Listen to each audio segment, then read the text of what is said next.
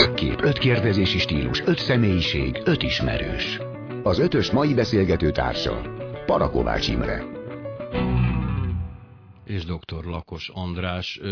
Sorozatunk ugye minden hónap első hétfőjén a szkeptikusok társaságával beszélgetünk az éppen aktuális elmebajokról. Mondjam néhány szót magáról. Milyen, milyen, milyen szó, hol, honnan, mikor, miért?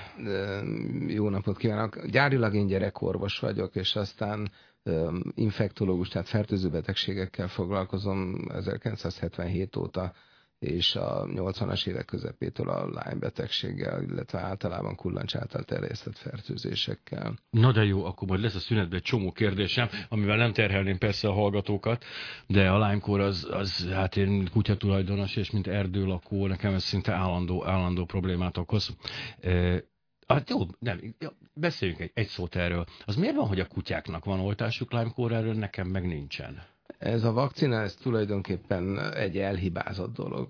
Két okból is, mert a kutyák nagy része szerencsére már immunizálódik, mire beoltják, ugyanis olyan gyorsan összeszednek kullancsokat és fertőződnek, hogy mire az oltást megkapják, már nem csinálnak vele bajt.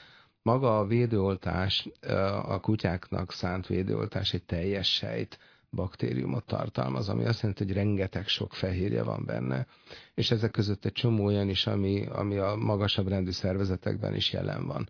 És emiatt ezeknek az oltásoknak a kockázata, hogy esetleg autoimmun folyamatokat indítanak el, és emiatt ilyen típusú oltást ma már nem engedélyeznek Embernek. humán használatra. Hogy a kutyáknál ez hogy megy át, az, az egy kérdés, de minden esetre ez a furcsa paradoxon, hogy a különböző vizsgálatok során nem okozott bajt, és emiatt alkalmazzák, de uh-huh. nem azért nem, mert az oltás ártalmatlan, hanem azért, mert a kutya szerencsére már megelőzi. Úgyhogy Aha. teljesen értelmetlen valószínűleg ez a vakcina mégis előszeretettel adják. Nem sokára majd bekapcsolódik a beszélgetésünkbe Turcsányi Zolt, remélem doktor ő is, úgy tudom, doktor Turcsányi Zsolt, a Nebáncsfüreg Egyesület elnöke, de addig is azért próbáljuk most helyre tenni azt a dolgot, hogy ugye az én és az ön gyerekkorában is, még ugye emlékszem, hogy még himlőoltásunk volt, majd a himlőoltás ugye megszűnt mivel, hogy maga a betegséget sikerült ugye kiírtani. Az utolsó nemzedéknél állítólag voltak problémák, ugye nekem sajnos családomban volt személyes tapasztalat ezzel kapcsolatban, hogy nem kifejezetten jól sikerültek ezek az oltások. De még mielőtt belemennénk ebbe az oltás-nem oltás kérdésbe, azért mik azok a körülmények, amik, amikről le kell figyelni egy oltáskor? Tehát ha azt mondjuk, ön és nyilvánvalóan ebből indul ki, hogy ezek az oltások szükség van, ezek az oltások megelőznek betegségeket, maguk a kockázatuk ugye megpróbálom hallgatók számára felválaszolni, tehát egy millió oltásból egynek van súlyos következménye, míg a, az a betegség, ami ellen oltanak, az egy millióból 300 ember betegséget okozna, akkor természetesen értelme van az oltásnak, de úgy, hogy tudatában vagyunk a kockázatoknak. De melyek azok a körülmények például, hogyha én elviszek egy gyermeket beoltani kötelező oltásra, amikor fel, felmerülhet bennem az, hogy elhalasszam, hogy vagy legalábbis ne akkor oltsam be, elég, ha csak legyengült állapotban van, ha valami más betegsége van, stb. Szóval mik ezek a kockázatok? Valójában az évek során enyhült ezzel kapcsolatban az orvosi megítélés, tehát korábban nagyon szigorúan vettük, ha valakinek piros volt a torka, köhögött egy kicsit, náthás volt, hőemelkedése volt, akkor már nem volt szabad beoltani. Most azt mondjuk, hogy tulajdonképpen ezek nem jelentenek kimondott kockázatot, akkor ellenjavalt egy oltás, hogyha valamilyen korábbi epizód során fellépett valami oltási szövődmény, vagy nem kívánatos esemény, hogyha egy frissen zajló akut fertőző betegség, vagy fertőző betegségnek a lapangási ideje zajlik, tehát valaki például bárányhimlős gyerekkel érintkezett, akkor utána nem szabad beoltani. Tehát van néhány ilyen szabály, amit be kell tartani, de valójában ezek nem jelentenek kiemelt kockázatot. A oltás szövődményei nem lesznek gyakoribbak ilyen esetben. Milyen oltást kap most meg egy gyerek, aki mondjuk most született idén? Tehát ő milyen oltásokon megy keresztül? BCG-vel kezdünk, ugye ezt még a szülő otthonban, szülőintézetben megkapja minden gyerek. Ez a TBC, tuberkulózis ellen, tüdőbaj ellen használt oltás Utána jönnek a, a diperték, ez a, a diftéria, az a torokgyík, a pertussis, a szamárköhögés, és a tetanusz a, a harmadik, ami ebbe benne van. A hemofilus egy genkeltő baktérium ellen oltunk, ezt követően a pneumokokusz elleni oltás is benne van ebben a sorban, és aztán a, a csecsemő vagy kisdetkori utolsó oltások a, a, az MMR, és kifelejtettem az előbb a, a polió, tehát a, a, gyere, a gyermekbénulás, a Heinemedinkór gyermekparalízis elleni védőoltás, ami szintén egy kombinált oltásban Ez szerepel. mennyi időskorig zajlik le ez a sorozat? Ez... 15 hónapos korban kapják, úgy emlékszem, az utolsó ilyen MMR oltást, tehát ez a kanyaró, uh-huh. mumps és a rubeola, a rózsahimlő elleni védőoltás. Még, még az előbbiekhez akartam ja. hozzászólni, hogy, hogy a, a, ugye változott a világ rengeteget, tehát a, az első védőoltás tulajdonképpen a himlő elleni védőoltás volt, és uh, ugyanez tényleg egy szörnyűséges oltás volt, nagyon gyakoriak voltak a szövődmények, a, a egyezrelékben súlyos szövődményeket okozott, és halálhoz is vezethetett az oltás, és tulajdonképpen mégis ez a vakcinológia, a védőoltások történelmének a legnagyobb sikere, mert hiszen a, a, elméletileg minden olyan betegség, aminek nincs az állatvilágban úgynevezett rezervoárja, tehát az állatok körében a kórokozó nem él, minden ilyen betegség eradikálható, vagyis kiirtható lenne a földről, és hát a himlő volt az első, és tulajdonképpen éppen azért, mert a himlőt nagyon agresszíven voltak olyan kormányok, ahol, ahol börtönbüntetéssel fenyegették, hogyha valaki meg akart lógni a, a védőoltás elől, de így aztán sikerült kiirtani a betegséget, és sikerült ezzel együtt megszüntetni ezt a szörnyű oltást. Tehát azért ez egy paradox siker, de nagyon nagy. Most majdnem ugyanígy álltunk a polióval, ez a gyermekbénulás, amit úgy terveztek, hogy 2000 körülre sikerül majd kiirtani a földről, de hát nem jött be. Ugye mindenütt volt egy kis polgárháború, gazdasági nyomorúság, ez az amaz. Úgyhogy a lényegében megmaradt, tehát hiába ö, oltogattuk, és most már minimális, ugye néhány ország van csak, ahol a, a, a gyermekparalízis járványos, és hát az esetszám is sokkal alacsonyabb, mint akár 10-20-30 évvel ezelőtt volt. De hát egyelőre nem úgy néz ki, hogy ki lehet írtani, pedig majdnem sikerült. Nem sok kellett volna hozzá, az elméleti lehetőség meg. Ez azért furcsa, mert ugye abban az időszakban, amikor a himlőt sikerült, akkor azért a politikai helyzet hasonló volt, ugyanis akkor is voltak kis polgárháborúk, akkor is Ázsia, Afrika, ugye ebből a szempont gondolom a leg, leg meg azért Dél-Amerika bizonyos részei, tehát akkor azért az, az, akkor az a szerencsén is múlott valószínűleg, hogy nagyon agresszív volt a, a politika, tulajdonképpen ott a védőoltás ellenességnek egyszerűen nem volt szava, tehát nem is létezett, létezik, hát amióta van védőoltás, azóta vannak a ellenző is persze, de a, a, a gyakorlatban mondom, a kormányok belátták ennek a fontosságát, akkor még mindenkiben frissen éltek a nagy himlőjárványok, tehát voltak, ugye nem csak a középkorban, hanem a 20. században is sokan meghaltak himlőben, és ennek tényleg mindenkinek volt közvetett vagy közvetlen tapasztalat, hogy ez egy milyen szörnyű betegség. A, a polió, tehát a gyermekbénulás, amikor Magyarországon, vagy általában Európában évente mondjuk 200 eset volt, hát az nem, nem egy olyan rémisztően nagy szám, és akkor hirtelen az 50-es Bár években... következményekkel jár. Tehát hát azért persze, de, azzal, de, de, de aztán ugye... az 50-es években ez, ez a 20-szorosára növekedett, tehát akár 5000 megbetegedés is volt Magyarországon egy évben, és hát ezeknek egy jelentős része maradandó bénulás, meg hát nem kis százalékban halálhoz is vezetett.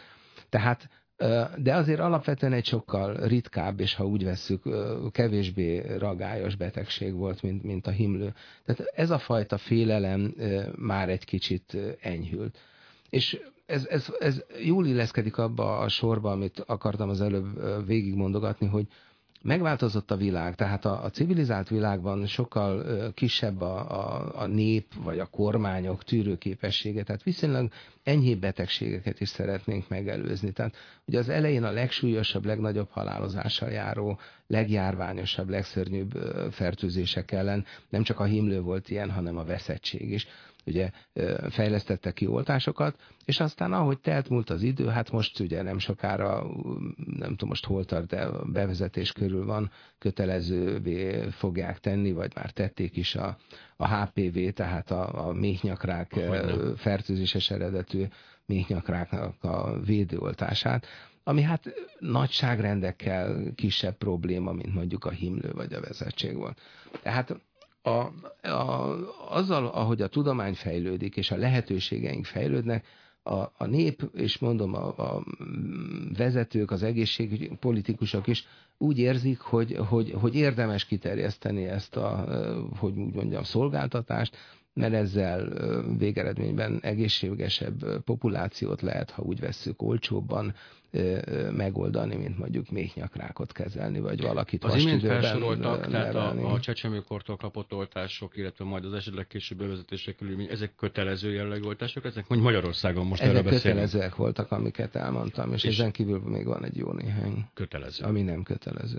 A nem kötelezőkre majd persze, persze kitérünk. Itt az idő arra, hogy egy kicsit pittyegjünk, és aztán utána már vissza is tudjuk hozni a újabb vendégünket, és hogy bekapcsoljuk a beszélgetésbe. Mondjam, valamint dr. Lakos András és dr. Turcsányi Zsolt. Elnézést nem volt idejében a papíromra a dr. Turcsányi Zsolt, ugye? Igen. Üdvözlöm. Nem volt alkalom, hogy hallgassa a beszélgetésünk elejét. Nem is, érint, nem is érintettünk a ideológiai semmiféle kérdéseket, csak röviden felvázoltuk a jelenleg adott kötelező oltások történetét, illetve a himlő megszüntetésének hát siker, siker sztoriát. Ám ön a Nebáncs Virág Egyesület elnökeként talán egy picit más véleménnyel van ezekről a kötelező védőoltásokról, mint vendégem dr. Lakos András. Én szeretném megkérdezni, mi ez a Nebáncs Virág Egyesület, illetve hogy mi az önök álláspontja a kötelező oltásokkal kapcsolatban? Igen, a Nebáncs Virág Egyesület egy civil szervezet, szülők és orvosok hozták létre abból a célból, hogy Magyarországon elér, ö, választhatóvá válhassanak az eddigi kötelező oltások. Tehát, hogy a, a gyerekek kezelőorvosa, illetve oltóorvosa a szülővel egyetértésben javasolja egyéni elbírálás szerint az adott oltást, és a szülőnek módja legyen így módon akár visszautasítani is az oltásokat. Ahogy ez Európa nagy részén előfordult, tehát 240 millióan élnek ilyen oltási rendben Európában. Értem, mi lenne az előnye a gyermek számára? Az lenne az előnye, hogy ugye nincsen két egyforma gyermek, és nagyon sokszor előfordul, hogy egy oltás káros következményekkel jár a gyermek későbbi egészsége szempontjából. Krónikus betegségeket idézhet elő egy-egy oltás. Egy, egy konkrét példával tudná ezt érzékeltetni nekem, hogy Melyik oltás milyen krónikus betegséget okozhat? Ez így, tehát így nagyon konkrétan nehéz kimutatni, hogy egy bizonyos oltás, egy bizonyos betegség. Azt tapasztaljuk, hogy nagyon sokféle krónikus betegség állhat az oltások hátterében, így egy az egybe ezt nehéz bizonyítani. Azt tudjuk mondani, hogy hogy meggyengíti nagyon sok gyermeknek az immunrendszerét, és fogékonyá válik krónikus betegségekre. A gyermek, ezek a betegségek akár felső légúti hurutoknak a gyakori előfordulása, vagy autoimmunbetegségek lehetnek, amik ízületi vagy gyomorbérrendszeri betegségek. Ezt, ha jól értem... Gazdag tárháza. ugye a, induljunk ki abból, ugye, hogy a szülő ilyen esetben nyilvánvalóan laikus, a kezelőorvos pedig akkor ugye ezért a gyermekorvosnak kellene meghozni ezt a döntést tulajdonképpen. Hogy ő... Így van, hát ez, ez így van Európa nagy részén nálunk, és, és így módon is a magas az átoltottság szintje, nincsenek jelentős, tehát népegészségű szempontból jelentősnek mondható járványok, és egyéni oltási rend szerint a, a közösségbe járó gyermekek meg, megkaphatják a, a szükséges oltásokat, tehát ennek nincsen semmiféle népegészségügyi kockázata. Hát rögtön átadom a szót dr. Lakos Andrásnak. A, ez az egyéni elbírálás, ez így, ahogy van, egy megoldhatatlan és hát elég nagy butaság, mert Persze, hogy nincs két egyforma gyerek, de ki tudja, hogy most egy oltás adott esetben milyen következményekkel jár. A probléma az, hogy nincsen száz százalékban hatékony védőoltás, és emiatt a közösségi immunitás, szokták ezt nyári immunitásnak mondani, megvédi azokat az embereket, akik az oltás ellenére is tulajdonképpen fogékonyak maradnának. Hogyha leesik az átoltottság egy bizonyos szint alá, ez fertőzésenként más és más, akkor egyszer csak megbetegszenek azok is, akik kaptak oltást. A, a másik butaság ez az immunitás, hogy legyengíteni a védoltás az immunitásokat. A természetes úton beszerzett fertőzések nagy része valóban súlyosan károsítja az immunitásunkat, ilyen például a mononukleózis, de az influenza, a bárányhimlő, ezekről tudjuk. Ugyanakkor az oltásoknak éppen azért, mert itt a kórokozók vagy el vannak ölve, vagy pedig kimondottan gyenge fertőző képességű mikrobák, ezért aztán nincs immunitást csökkentő hatásuk, hanem tulajdonképpen azzal, hogy megelőzzük a fertőzéseket, lényegében megvédjük a, az immunstátuszokat. És a harmadik tévedés itt, hogy nincsenek járványok. Hát egyrészt hatalmas járványok vannak Európában, kanyaró járványok, évi több tízezer eset fordul elő, azért éppen, mert a liberalizálták sok helyen a, a védoltásokat, és a kanyarót egy csomó téves információ alapján megvádolták, hogy különböző szövődményei vannak, amiből kiderült persze, hogy egy szó sem igaz, de az antivakcinációs mozgalmak azóta is szajkózzák ezeket a súlyos tévedéseket, mint hogyha ez igaz lenne. Nincs ilyen. A, ha valaki az, a, a, az antivakcinációs mozgalmaknak egyetlen komoly haszna van, hogy növelte a védőoltási mellékhatás bejelentésnek a gyakoriságát. Ugyanis alapvető probléma, hogyha valaki védőoltási szövődményekről beszél, akkor bejelentették ezt, most már laikusok is bejelenthetik. Tehát éppen azért, hogy kiderüljön, hogyha valami bajt okoz egy védoltás, kötelező lenne minden egyes esetben bejelenteni az esetleges mellékhatásokat, de így általánosságban, hogy az a tapasztalatunk, hogy időlt fertőzése, időlt autoimmun betegségeket okozhat, kinek a tapasztalata, minek alapján. Tehát erre semmiféle tudományos információ nincsen. A vakcinákat az egész világon nagyon Nyugodtan szigorúan... vágjon közben, nem kell ja, hát bármikor. százainak, ezreinek ez a tapasztalata. Hát, hát igen, de igen. Ez, ez a százainak, ezreinek, ez, ezek nem tudományos érvelések. Tehát az, hogy... Sajnos a, a mai, valóban ezzel egyetértek a doktor úrral, hogy a mai oltási mellékhatás jelentési rendszer Magyarországon az elégtelen. Tehát egyáltalán hogy lehet az, hogy egy adott oltás, amit Európa nagy részében alkalmaznak, nálunk tized annyi mellékhatást okoz, mint, vagy még kevesebbet, mint, mint tőlünk nyugatra. Tehát ez egy képtelenség. Nem megfelelő a mellékhatás visszajelentés Magyarországon. Sőt, a mellékhatás, ha még, ha még a szülő illetve a kezelőorvos jelenti is a, a mellékhatást, illetve pontosan úgy mondják ezt, hogy az oltást követő nem kívánatos eseményt, akkor nem megfelelő ennek a kivizsgálása. Tehát muszáj, muszáj vagyok közbeszólni. Én olyan osztályon mutatja, dolgoztam kezdő gyerekgyógyászként, ahova kötelező volt az egész ország. a tüneteket, olyan tüneteket is, amik egyébként mellékhatásként le vannak írva az oltási az oltási előíratban, tehát jó, az oltóanyagok az előíratában nem bagatelizálja el senki, hanem adott Erre esetben... Erre van sajnos. Jó. És, ha, had, hadd és... meséljek valamit, mert szerintem elég tanulságos. Tehát, hogy amikor én kezdő orvos voltam, akkor olyan osztályon dolgoztam, ahol az összes, az egész országból a védőoltások szövődményei, illetve annak a gyanújával érkező gyerekeket kellett fogadnunk. És ugye az volt a tapasztalat, és ez azóta is bennem él, minden héten találkozom valami hasonlóval, hogy az emberek összekeverik a, az eseményeknek az egymás utániságát az okozatiságával. Tehát nagyon gyakran előfordul, hogy valakivel történik valami orvosi beavatkozás, és akkor három vagy négy nap múlva vagy meghal. Most de adott esetben lehet, hogy infarktusban, vagy az autó ütötte el, vagy lábtörése lett.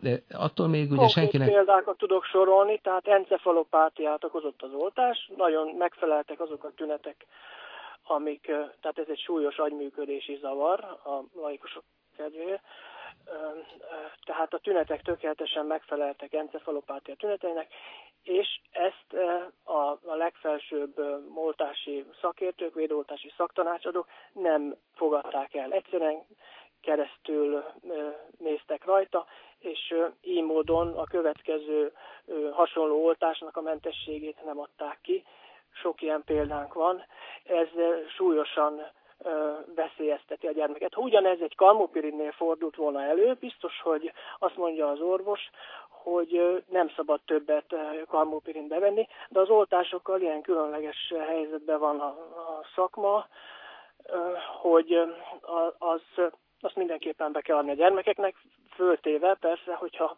egy azonnali túlérzékenységi reakció nem fordult elő. Tehát gyakorlatilag nincsen egyéni elbírálás így. A, a, a, az oltások arra, után, hogyha... Pillanat, igen. arra a, a fölvetésére, hogy ez nem megoldható, az egyéni bíró, elbírálás, hát csak annyit tudok válaszolni, hogy az előbb is említettem, hogy 240 millió embernél az Európai Unióban ez megoldható. Hm. Miért nem lehetne akkor ezt Magyarországon? Oké, okay, de ezért van Európában kanyaró járvány, ezért van És az azért egyes... hozzá kell tenni, hogy a kanyarónak milyen szövődményei vannak így.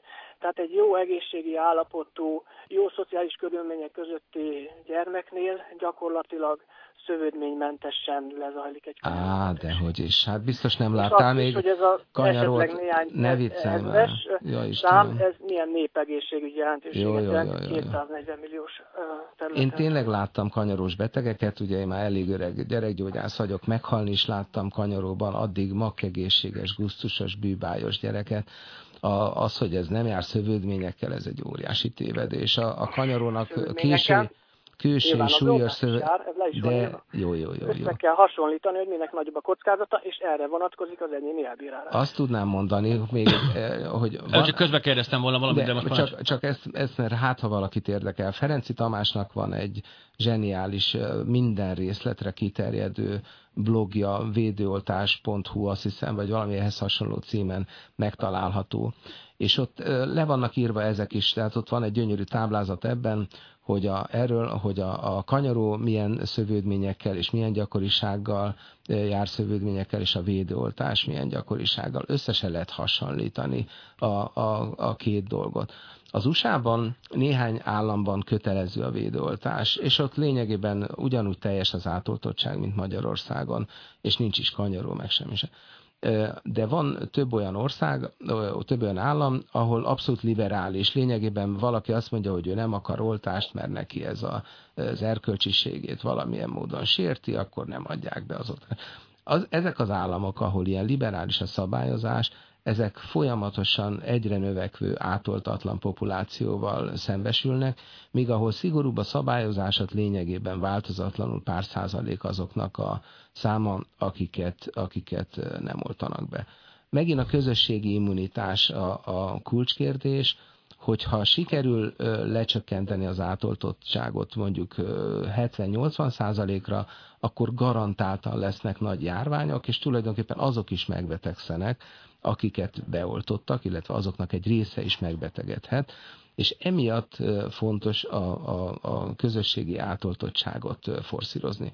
Vannak például Ausztria ragyogó példa arra, a kullancsenkefalitis, tehát a kullancs által okozott agyvelőgyulladás elleni oltást elég régen bevezették, nem kötelező, hogy sem, mert egy demokratikus országban élt, nem szabad mondani, viszont cserébe nem vesznek föl bölcsödébe, óvodába, iskolába, kollégiumba, egyetemre gyerekeket. Ha nincs beoltva, ők nem vállalják a felelősséget, és akkor nem veszik föl. Tehát ez épp olyan kényszer, tulajdonképpen csak nem azt mondják, hogy kötelező, hanem esetleg más módon forszírozzák a kötelező. Mindegy, hogy a gyermek azt két hónapos korában kapja meg ezt az oltást, egy Hát ezt nem kapják meg két hónapos korukban, mert ugye akkor még ez hatástalan lenne ez a vakcina.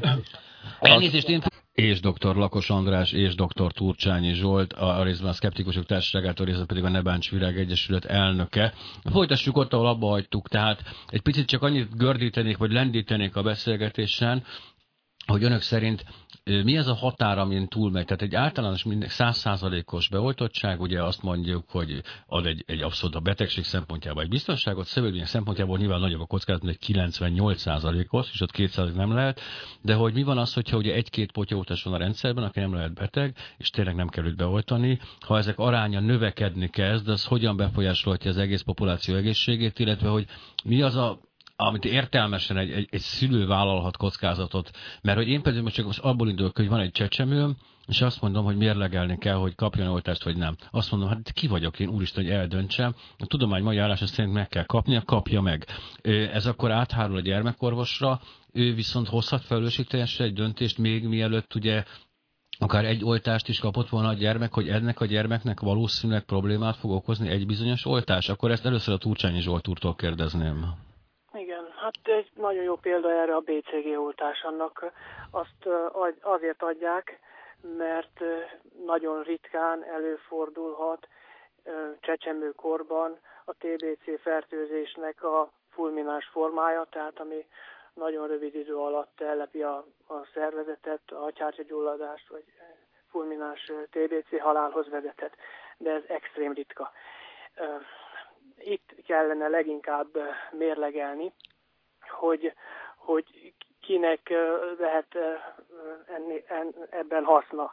Tehát az a gyermek, aki mondjuk egy, egy szegény környezetben nő föl, ahol talán az édesanyja dohányzik, családban TBC-s betegek fordulnak elő, kevés napfényre viszik a gyermeket, ott én is nagyon elgondolkodnék, hogy ennek a gyermeknek érdemes volna BCG oltást adni. Viszont egy olyan gyermeknek, aki jó szociális körülmények között nő föl, anyateljel táplálják, és és a közelében nincsen TBC-s fertőzött, teljesen indokolatlan a BCG oltás adása. Összhangban mondom ezt az egészségügyi világszervezet ajánlásával. De Magyarországon mindenkinek, akár van a TBC fertőzésnek kockázata, akár nincs, beadják ezt az oltást, tudván, tehát hivatalosan is elismerve, hogy, hogy egyébként a későbbi TBC fertőzés megelőzésére nem alkalmas az oltás. A, Tehát a, a, hasonlóképpen kellene elbírálni minden betegséget, mert vannak olyan, olyan betegségek, amiknek az átvészelése teljesen banális. Hát például egy rubaula nem kellene kötelezni Jó, mindenkit. Istenem, elég volna, muszáj lenne, elég volna muszáj Jó, átadom akkor egy percet a szót Lakos Andrásnak. Először is a, a, a BCG-ről volt már szó Magyarországon is, hogy megszüntetik az adását. Valóban sok mellékhatást okoz, visszafogott a, a hatékonysága is és emiatt a 90-es évekre úgy nézett ki, hogy nagyon jól alakulnak a magyar statisztikák, és megszüntetjük. És akkor pár év alatt hirtelen megugrott az esetszám, és ez, ettől az egészségügyi hatóságok megrémültek, és ugyan azóta töretlenül javulnak a magyarországi mutatók, de egyelőre még nem merte senki Mert hozzá kell tenni, hogy a TBC fertőzéseknek semmi köze nincs a BCG oltáshoz. Hát ez nem, nem egészen igaz. Megint Ferenci Tamás blogjára hivatkoznék, ott van egy nagyon szép ábra a svédországi helyzetről, ők 74-ben szüntették be a BCG oltást, röviddel ezután ötszörösére növekedett a, a betegség előfordulása, és a bevándorlók körében meg a 15-szörösére. Tehát, hogy nem olyan egyszerű ez, ez egy indiai tanulmány, amire mindenki hivatkozik. Betegség, nem függ az oltástól. Jó, jó, jó. Ez egy, mondom, indiai tanulmány, ami, aminek alapján fölmerült, hogy nem, nem csökkenti a TBC-s esetszámot, de ez az európai adatok szerint egyszerűen nem igaz. Ez egy téves információ. De mondom, a BCG valóban azok közé tartozik, valószínűleg előbb-utóbb meg fogják szüntetni, és ezzel egyet lehet érteni, valójában nincs különösebb jelentősége. Tényleg minden esetre az, hogy jól szopik, nem szopik egy, egy újszülöttnél még nem igen lehet megítélni. Tehát ezeket, ha most képzeld el, ha azt mondják, hogy szociális helyzet alapján, akkor bezzeg a cigányokat be kell oltani, így akarnak minket kiirtani, hogy milyen következménye lenne annak, hogyha ezt így a szociális megítélés alapján mérlegelnénk, hogy kitoltunk be és kit nem. Én azt gondolom, hogy a magyarországi hát járvány... A dolgok, ezt, ezt nagyon is pontosan meg lehet ítélni, meg, meg lehet ezt ítélni, más országokban is meg is teszik. Jó. Oké. Okay. Rubeola volt a másik. A rubeola, ugye, bár az sem igaz, hogy az egy ártalmatlan betegség, attól, hogy rózsahimlőnek hívják, az is tud nagyon súlyos lenni, léteznek súlyos szövődményei, de a legsúlyosabb szövődmény tulajdonképpen a magzati károsodás és emiatt vagyunk kénytelenek beoltani az egész populációt, mert erre is vannak ragyogó példák, hogy több ezer süket és szellemi fogyatékos gyerek született egy-egy rubeola járvány utána, például az Egyesült Államokból vannak precíz adatok és emiatt ezeknek az elkerülésére, hogy például a te gyereked vagy az ő gyereke ne idiótán szülessen meg azért, mert az anya a terhesség első három hónapjában fertőződött rubeolával, emiatt vagyunk kénytelenek az egész lakosságot átoltani. Nem tartjuk indokolnak, úgy indokoltnak, hogy 15 hónapos korban adják be először ezt az oltást. Tehát ezt nehéz indokolni, és azt is, hogy a fiúknak miért kell Tehát Ugyanez van a HPV, volna. a HPV oltással, ugye, tehát a méhnyakrák megelőzését, nyilván a fiúk ritkán kapnak méhnyakrákot, tehát nem kéne őket is beoltani, de mivel a vírus terjesztésében nem számít, hogy valaki hím vagy nő nemű, ezért aztán kénytelenek vagyunk az egész lakosságot beoltani, éppen azért, hogy ne fordulhasson elő, hogy a populáció egyik fele fertőződik, és ezzel azokat is megfertőzi, akik ugyan nőlétükre kaptak oltást, de úgynevezett non-responderek, vagyis nem immunizálhatók, nem védhetők meg a, a jelenleg alkalmazott védőoltásokkal. Van még egy, egy fontos szempont, a, amire megint ugye az utóbbi években az USA-ban egy hatalmas szamárköhögés járvány indult, és most megint a laikus hallgatóknak mondom, hogy bár ez olyan aranyos beteg elnevezés, hogy szamárköhögés, attól ez egy rettentő súlyos, aki látott már ilyen gyereket, az, az azt gondolja, hogy ennél nagyobb szenvedés nincs a világon.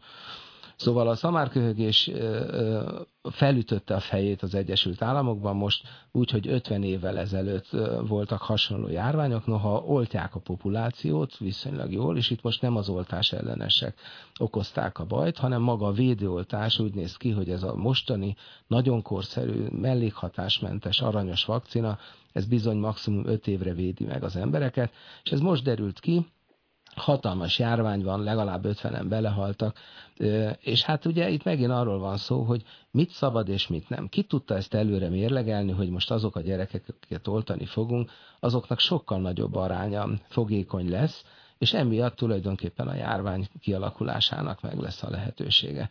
Belenyúlni a már meglévő oltási menetrendbe kibicként, outsiderként borzasztó könnyű tanácsokat adni, de változtatni ezeken a rendszereken, ez egy hallatlan nagy felelősség. Szerencsére a, a magyar egészségpolitikusok elég lassan szoktak reagálni ezekre a kérdésekre, és így aztán megvárjuk tulajdonképpen, ameddig a világ nagyobb részén.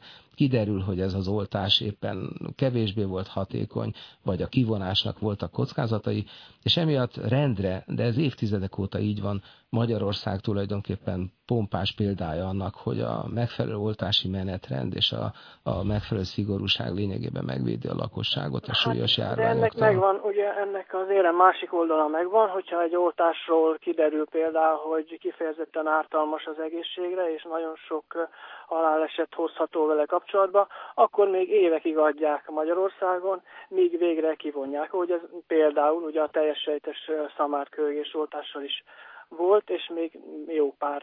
Egy rövid, rövid laikus közbevetésem lenne. Ezek a, ezek a rendszer- rendszerek tényleg lassan mozdulnak, egészen biztos vagyok. Abban is egészen biztos vagyok, hogy egy rendszerek egy ilyen folyamatos, nagyon finom hangolása csak az egyetlen megoldás. Tehát ez a, ezek a radikális változások soha nem, sem jóra nem vezettek, de azért, mert én ilyen konzervatív vagyok. De hogy ilyen esetekben a döntést ezt az orvosi kamara ö, tanácsára hozza meg a egészségügyi kormányzat, vagy egy ilyen, ilyen esetben ugye valaki döntést hoz, tök mindegy egyébként a hallgató és az én szempontomból is. Ilyen esetben például a Nebáncs Világ Egyesület gondolom egy lobby tevékenységet folytat a megfelelő fórumon, hogy bizonyos oltásokat, stb. stb. A másik oldal pedig próbálja, tehát hogy azért ez a, ez a párbeszéd folyik nem csak itt a klubrádióban, hanem egyébként a szakmában is, ugye? Az elmúlt ö, hónapokban talán egy kicsit ö, éppen annak okán, hogy ismét bevezettek egy, vagy hát bevezetésre kerül egy új kötelező oltás, ez a pneumokokusz elleni, tehát egyre nagyobb a társadalmi érdeklődés, úgy tapasztaljuk, és egyre több szülő is keresi meg. A az társadalom, az a bajom, megmondom őszintén, a társadalom hogy sose tesz jót ezeknek a dolgoknak, de pontosan lejárt az időnk, és én nagyon-nagyon szépen köszönöm Turcsányi Zsoltnak, Lakos Andrásnak még nem köszönöm, mert most még áttérünk a- az állatvilág izére. Jó, Én nagyon csak abba tudok reménykedni, hogy ezt a vitát folytatni fogják minden fórumon, ahol csak lehetséges, és hogy nem a, hát hogy is mondjam, nagyon remélem a társadalom fogja eldönteni a szakmai kérdéseket, mert az általában nem vezet jóra. Köszönöm szépen még egyszer, hogy itt volt Pittyegés követ. Parakovács Imre. Nem csak Parakovács Imre, de itt maradt még dr. Lakos András is, és ha minden igaz, dr. Nagy Endre a vonalban van? Haló, haló, haló. Nincs még a vonalban, semmi gond, mi ezt tudjuk folytatni. Addig is egy hallgatói kérdésre, ezt imádom, ez egy csodálatos hallgatói kérdés. Tisztelt Lakos András, miért adják az egyik oltást a válba, a másikat a tomporba? Húha.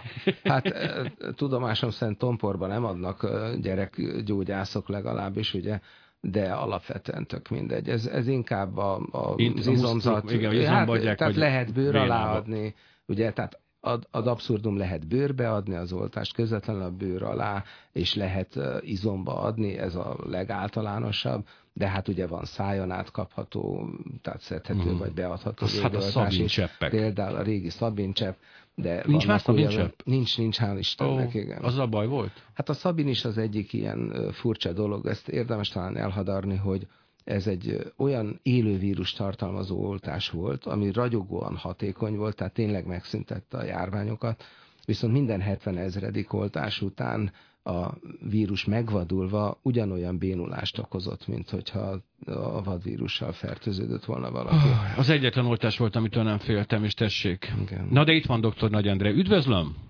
Jó napot kívánok! Gondolom nem követte az egész adást, nem is kellett különösebben ar oltások, oltás ellenesség és az oltások Igen. hasznáról beszélgettünk, de mivel mi már beszélgettünk erről előtte, úgyhogy nagyjából tudja, mire lennék én kíváncsi, azt mondják bizonyos állatvédők, hogy túl vannak oltva az állataink, bezzek Svájcban három évente kapnak csak veszettség elleni oltást, vagy Ausztriában két évente, itt meg minden évben oltjuk ezeket a szegény állatokat minden ellen, és hát borzasztó rossz ettől nekik? Hát na most a kutyáknál egyetlen egy védőoltás kötelező Magyarországon, ez a veszettségoltás. Ennek nagyon jól felfogott okai vannak.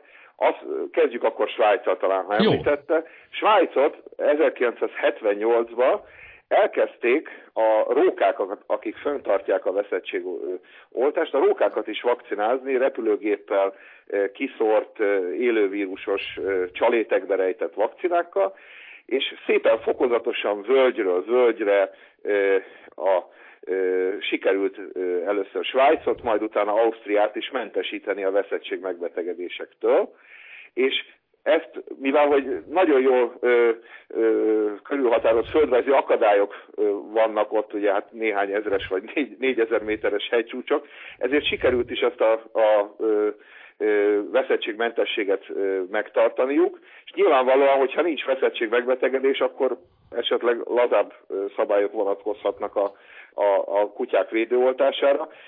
Magyarország is bekapcsolódott ebbe a repülőgépes mentesítésbe. Először az ausztriai határszélen pont az osztrákok mentességét védendő, a 80-as évek végén, 90-es évek elején, és eljutottunk egy olyan szintre, hogy nagyjából egy néhány évvel ezelőtt Magyarország is ö, veszettség esetek nélkülinek volt tekinthető. Nem mondtuk ki teljesen a mentességet, de mentesnek volt tekinthető, csak nekünk van egy olyan borzasztó szépséghibája a hánk, hogy alszföldekkel síkvidéki határaink vannak Szerbiával, Romániával, Ukrajnával, ahol különösen Ukrajnában dühöng a veszettség. Talán Ennek most éve... szép áthallásai vannak, de folytassa kérem.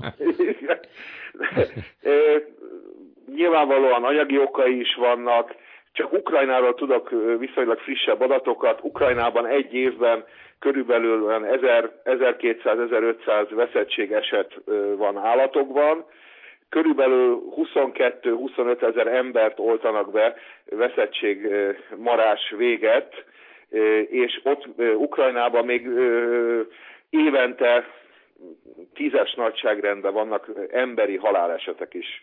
És hogy ez, ez, ez mennyire veszélyt jelent ránk, csak ha belegondolnak, hogy szintén egy-két éves újsághír Beregszászon nyolc embert mart meg, köztük a később őt lelövő rendőrt is egy veszett, veszett kutya, hát akkor, akkor láthatjuk, hogy ez Beregszász 8 kilométerre van a magyar határtól, tudomásom szerint ott semmilyen 4000 méteres hegycsúcs nincs közöttünk, tehát bármikor, bármikor ez átüthet, és amíg ezt amíg így a határaink mentén ilyen veszélyek vannak, addig, addig én nem hiszem, hogy változtatni kéne a, a kötelező veszettség Amikor oltásról. mondjuk azt mondja valaki, hogy három évente kap veszettség elleni oltást Svájcban, egy kutya nálunk pedig évente, ő ugyanazt a vakcinát kapja, vagy ott már vannak olyan kifinomult, tehát igaz-e, hogy mi egy elmaradott, borzasztó területen élünk, ahol mi megkapjuk ezeket a durva, nagyon erős vakcinákat, bezzel a kifinomult Svájcba, vagy ott ugyanezt a vakcinát elég a három évente beadják, hogy ott van tényleg valami gyengébb dolog, miatt, hogy pont, hogy gyakorlatilag mentes a terület.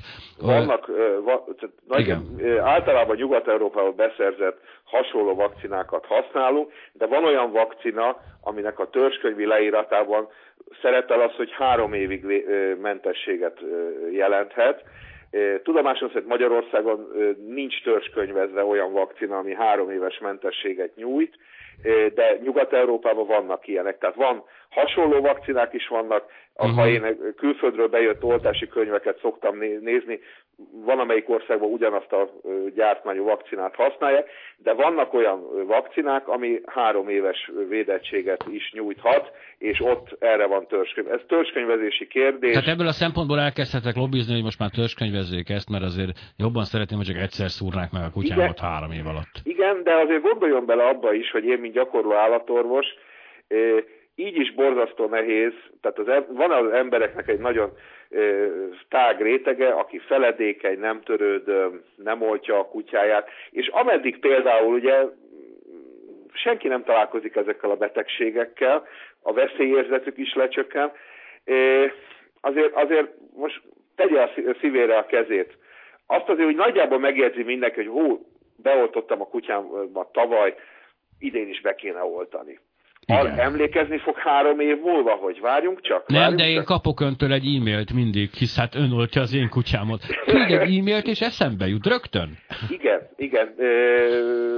Ez, ez, ez igaz, de nem minden állatorvos küld ilyen e-mailt. Nagyon hasznos, mi is ezért küldjük. Pontosan, de hát addig azért nem, nem biztos, hogy ez a szerencsés, de ha lenne olyan garantáltan három évre törzskönyvezett és védelmet nyújtó vakcina, akkor, akkor valószínűleg megnyugtató lenne a helyzet. Még a veszélyekkel kapcsolatban csak Igen. annyit, hogy ezzel a repülőgépes csalétek kiszórása is, hogy ebben immunizálják a rókákat Magyarországon is. Odáig eljutottunk, hogy már csak a határszélen egy 50-60-100 kilométeres sávot oltottunk, és sajnos pont a tavalyi év során teljesen megmagyarázhatatlanul, pontosabban azért nem teljesen megmagyarázhatatlanul, de viszonylag meglepő módon az ország közepén Kecskemét, Cegléd környékén, tehát a fővároshoz is viszonylag közel, néhány tucatnyi veszettség megbetegedés jelentkezett rókákban. Teljes, uh-huh. Úgy, hogy nem volt semmilyen előzménye a határszéleken. Mondjuk ehhez tudni kell azt, hogy egy róka egy nap alatt 50-60 kilométert meg tud tenni. Értem. Az Tehát, csak, horror, az csak horrorfilmekben igen. van, hogy a denevérek terjesztik a veszettséget? Denevér, bizonyos denevérfajok, de általában a vérszívó denevérek terjeszthetik a veszettséget. Abban nekünk olyan sok Magyarországon nincsen. tudomásom szerint ez nem jelent. Nem Én nagyon-nagyon szépen köszönöm dr. Nagy Endre általános úrnak, hogy segített ezt képbe rakni minket. A viszont hallásra... Viszont hallásra. Még egy kérdés érkezett közben dr. Lakos Andráshoz. El tudja, recepteket ír, úgyhogy biztos el tudja olvasni. Igen. Valaki kérdezi, hogy ugye bevezetése kerül a pneumokokkusz vakcina, és hogy mi is ez a pneumokokkusz. Ez egy genkeltő baktérium, a rekesztől fölfelé mindenféle bajt tud okozni, középfülgyulladás, arcüreggyulladás, súlyos tüdőgyulladás, adott esetben agyhártyagyulladást is Ma úgy néz ki, hogy a világon körülbelül másfél millió ember hal meg ebben a fertőzésben, miközben már legalább 15 éve van ellene védőoltás, és ez is ugye korábban a mérlegelés tárgyát képezte, tehát aki akarta beadatta, aki nem, az nem, jó drága is volt, most ezt kötelezővé teszik, ami egyben azt is jelenti, hogy ingyenessé. Tehát ezt úgy is kell értelmezni, hogy ez cserébe nem kerül mostantól a családnak pénzébe. Én csak fél, félig tettem fel a kérdést, hogy, hogy ki hozza ezeket a döntéseket, hogy milyen volták kötelező és melyik nem? Ez az ANTS-nek a, a, a hat, hatásköre, tehát a népes, népegészségügyi tiszti szolgálat. Ők, de gondolom nyilvánvalóan, hogy mondtam, ez egy óriási rendszer, folyamatos kommunikációban vannak, különböző, mindenki megkapják a jelentéseket, persze, a lobbycsoportok persze, működnek, persze, persze. de azért azt ne gondoljuk, mert ugye a magyar hallgató azért hajlamos erre egy picit, hogy ezeket a különböző oltásokat gyakorlatilag a nagy gonosz gyógyszergyárak érdekei befolyásolják, és hogy azért nem lehet megszüntetni, vagy nem kötelező tenni bizonyos oltásokat, mert ebben akkora üzlet van, mert van benne akkora üzlet, mondjuk ezt viszont lássuk be, de azért itt az ANTS-re a közvetlen hatása a gyógyszergyáraknak minimális.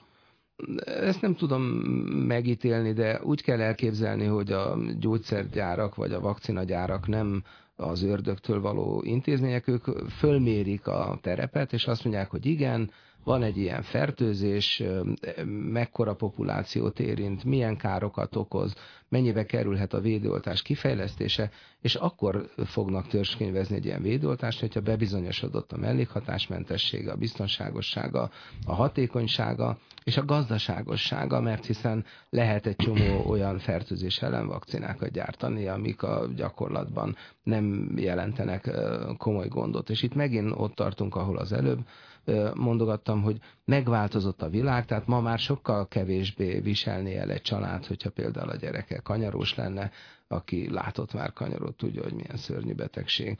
Szóval, hogy Nyilván mindenki lobbizik és próbálkozik, de ez fontos érteni, hogy ez a, a tudomány általában nem egy demokratikus intézmény, tehát aki többet kiabál, hangosabb, nem annak van igaza, hanem, és ezek az általános megjegyzések, hogy láttunk halálesetet, ezt, azt, azt, ezt mindenütt a világon regisztrálják, az oltási szövődményeket, mellékhatásokat, és csak olyan vakcinákat használunk, amik kellően biztonságosak. És a kellően biztonságosba borzasztó, de belefér az, hogy igenis vannak mellékhatása, és előfordulnak. Tehát ez egy létező dolog, nem lehet, nem lehet azt mondani, hogy minden oltás, mint ahogy 100%-ban nem is hatékony, de 100%-ban nem is lehet biztonságos, és aki egyénileg belesik egy ilyen tragédiába, természetesen soha többé nem fogjuk meggyőzni arról, hogy a hogy az általános oltásokra szükség van, de szerencsére még nálam is okosabb emberek kezében vannak ezek a döntések.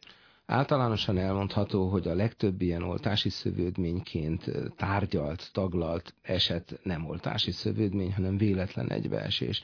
Tehát amikor a, az illetékes hatóság azt mondja, hogy nem találtunk bizonyítható összefüggést a, a szövődményként vagy a nem kívánatos eseményként bejelentett kórkép és, és a védőoltás között, az nem azt jelenti, hogy ők csalnak, hazudnak, lopnak és gonoszok, és őket a gyógyszergyárak vagy a vakcinagyárak. A mundér becsületét védik. Szó sincs róla, hanem hiszen ők is nagyon mellé foglalnak, hogyha ilyen hibákat követnének el, hanem egyszerűen a laikus vagy az egyszerű, nem túl tájékozott orvosok körében borzasztó nehéz megítélni, hogy egy védőoltás után mondjuk akár egy hónappal kialakuló szövődmény az tényleg az oltástól volt.